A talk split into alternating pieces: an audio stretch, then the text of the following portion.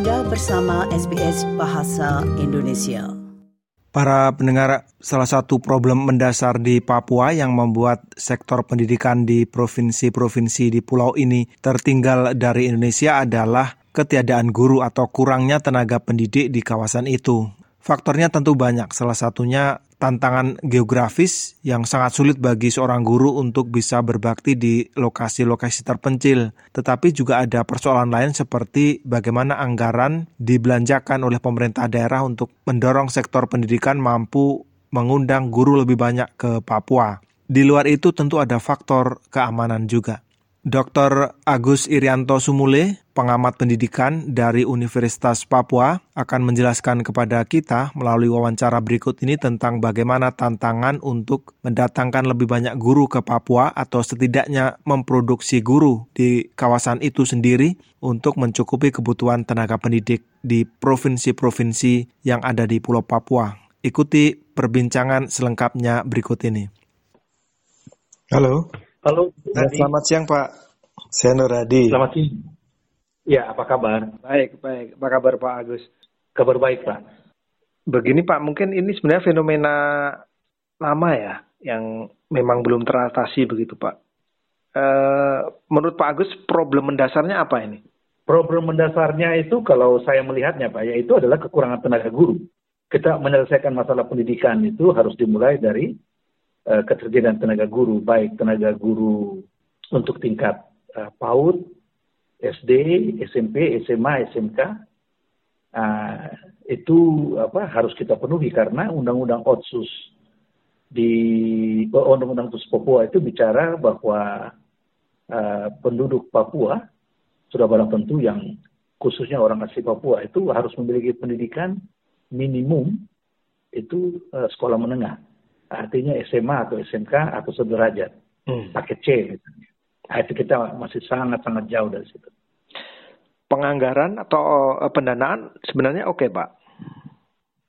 Saya, kita tidak berani katakan oke okay, karena kita juga belum belum apa namanya belum uh, melakukan perhitungan dengan sungguh-sungguh terhadap dana yang tersedia selama ini. Tapi seharusnya dana yang ada itu terutama buat kabupaten-kabupaten yang punya sumber daya alam besar dan lain sebagainya, atau provinsi yang punya uh, sumber daya alam besar seperti migas, itu harusnya tidak jadi masalah. Kita ambil contoh saja Pak ya, uh, Kabupaten Teluk Bintuni misalnya. Kabupaten Teluk Bintuni itu, uh, sebentar Pak, Kabupaten Teluk Bintuni jumlah anak yang tidak bersekolah di sana itu ada sekitar 5.598 orang. Mestinya ini tidak perlu ada angka ini karena dia punya anggaran untuk pendidikan saja Pak yang berasal dari BBH Migas, bukan berasal dari OSUS untuk tahun 2023 ini sekitar 400 miliar. Jadi harusnya dia mampu begitu. Tapi ya ini kan soal apa namanya soal um, itu menjadi perhatian oleh kepala daerah atau tidak itu. Larinya itu ke mana Pak? Ya bisa ke yang lain hmm. dan di bawah label pendidikan juga misalnya tentang uh, beasiswa untuk perguruan mahasiswa baik di dalam maupun di luar negeri itu bisa saja jadi yeah. bisa saja dipakai ke situ okay. atau mengirim anak-anak dari Papua SD SMP dikirim ke Pulau Jawa sekolah di sana itu fenomena itu ada pak di di tanah Papua ini hmm. jadi kita uh, masih perlu bekerja keras lagi untuk menentukan prioritas kita kirim 50 anak ke Pulau Jawa untuk dididik di sekolah-sekolah yang katanya unggulan anak Papua atau kita pikir ribuan anak yang tidak sekolah Kalau Manokwari atau mungkin Jayapura lah kita keluar dari situ Pak. Kita agak pertimbangkan sisi geografis eh, tantangannya hmm. begitu. Jelas Pak Agus lebih paham soal ini Pak. Tapi saya ingin pendapat eh, konsep yang tepat Pak untuk eh, lingkungan seperti Papua. Misalnya nih komitmen anggaran sudah ada. Ya. Kemudian ya bagaimana kita balik ke pertanyaan pertama tadi, bagaimana kita atau Papua meng, menarik bagi guru-guru untuk berkiprah di lokasi yang secara geografis punya tantangan tersendiri, Pak Agus. Mari kita ambil uh, yang sekarang namanya Provinsi Papua Pegunungan, Pak ya. Hmm. Yaitu total anak yang tidak sekolah di sana itu 95 ribu lebih yang di Provinsi Papua Pegunungan. Ini daerah yang betul-betul sulit semua harus dengan pesawat dan lain sebagainya. Uh, kalau buat saya yang jadi persoalan paling utama di Papua Pegunungan itu uh, perguruan tinggi yang menghasilkan tenaga guru itu sangat terbatas di provinsi itu. Yeah. Hanya ada dua STKIP. Dua-dua itu berlokasi di Wamena. Tidak ada perguruan tinggi negeri, universitas yang ada di Wamena milik swasta, itu tidak punya SKIP. Fakultas Keguruan Ilmu dan eh, Fakultas Keguruan dan Ilmu Pendidikan. Jadi kita bisa katakan bahwa memang bahwa tempat itu sulit ya. Tetapi ya harus ada lembaga pendidikan guru di situ. Betul. Oke. Okay. Yang disupport betul oleh pemerintah. Hmm. Saya saya datang ke Papua itu tahun 63. Uh, saya pas umur 8 bulan, bapak dan mama saya itu guru.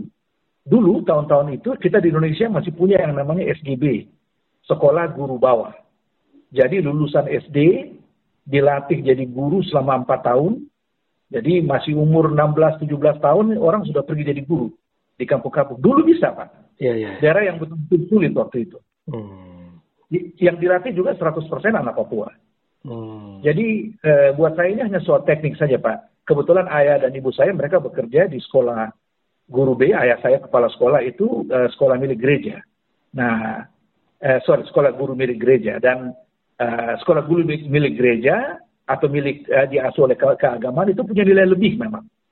Nilai lebih itu salah satu adalah pembentukan karakter dan komitmen. Ya, ya. Begitu. Nah, Jadi, kemudian uh, bisa bekerja. Jadi kalau kita kembali kita pri, apa coba lagi adopsi model-model ramu lagi model yang cocok pasti bisa. Tapi untuk kasus provinsi Papua Pegunungan itu harus dimulai dengan memang mendirikan uh, lembaga perguruan atau perguruan tinggi keguruan, perguruan tinggi keguruan ilmu pendidikan yang betul-betul bagus, Pak. Hmm. Ini mungkin saya ringkas konsepnya ini bahwa ada rekomendasi Pak Agus, kita mulai dari memproduksi gurunya dulu di tingkat lokal ya. Ya, hmm. harus uh, uh, apa, memproduksi guru. Saya orang Kristen, saya biasa bilang gurunya itu harus memiliki ciri 3K. Kristus, uh, karakter, kompetensi. Hmm. Itu bisa dipakai. Uh, di daerah Fafak itu kan kami punya kantong-kantong Islam yang ada di sana. Sama saja. Harus punya ketuhanan yang kuat, dia harus punya karakter, dia juga harus punya kompetensi karena kompetensi tidak mungkin diabaikan. Yeah. Begitu. Yeah. Dan itu pasti bisa dilakukan. Biasanya di Fakfak kan ada STAIN, sekolah tinggi eh, apa namanya agama Islam negeri kalau tidak salah. Nah di sana ya uh, dikasihlah kesempatan kepada Stein untuk juga membuka S1 PGSD, S1 PG PAUD karena di bawah PP 106 yang ada sekarang ini itu dimungkinkan. Sulit untuk mengharap guru berkomitmen di pedalaman Papua jika dia berasal dari luar Papua, terutama dari Jawa. Maka harus Papua sendiri yang menyiapkan itu ya. Eh, tidak tidak tidak 100% benar juga Pak anggapan itu.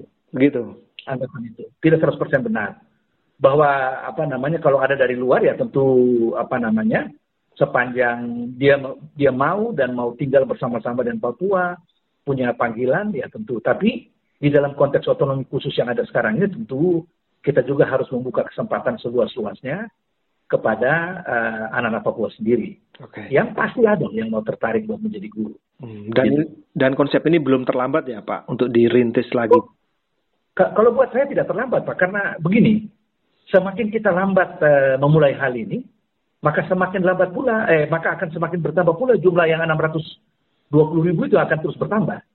Nah, sekarang yang kita perlu itu bagaimana memberdayakan eh, lembaga-lembaga pendidikan tinggi yang punya lembaga-lembaga pendidikan tinggi universitas atau sekolah tinggi yang punya lembaga pendidik apa punya kompetensi di bidang pendidikan dan keguruan dan kalau kurang dan pasti kurang maka tentu kita berharap perguruan tinggi, perguruan tinggi besar yang ada di Pulau Jawa atau di tempat lain di Indonesia itu bersedia juga untuk bekerja sama atau membuka. Jadi tadi saya misalnya provinsi Papua Pegunungan, Pak ya, yang jumlah gurunya sangat terbatas, banyak anak yang tidak sekolah.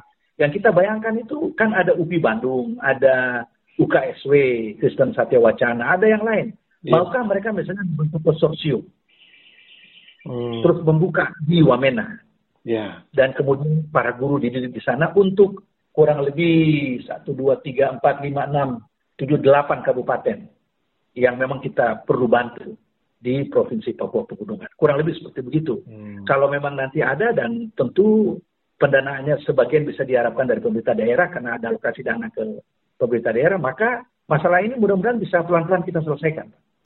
Para pendengar, Dr. Agus Irianto Sumule, pengamat pendidikan sekaligus dosen di Universitas Papua, detail sekali menjelaskan untuk kita tentang problem yang dihadapi kawasan itu terkait ketersediaan guru yang tentunya secara langsung akan berdampak pada kualitas pendidikan yang sangat minim di sana. Terima kasih, sampai jumpa kembali.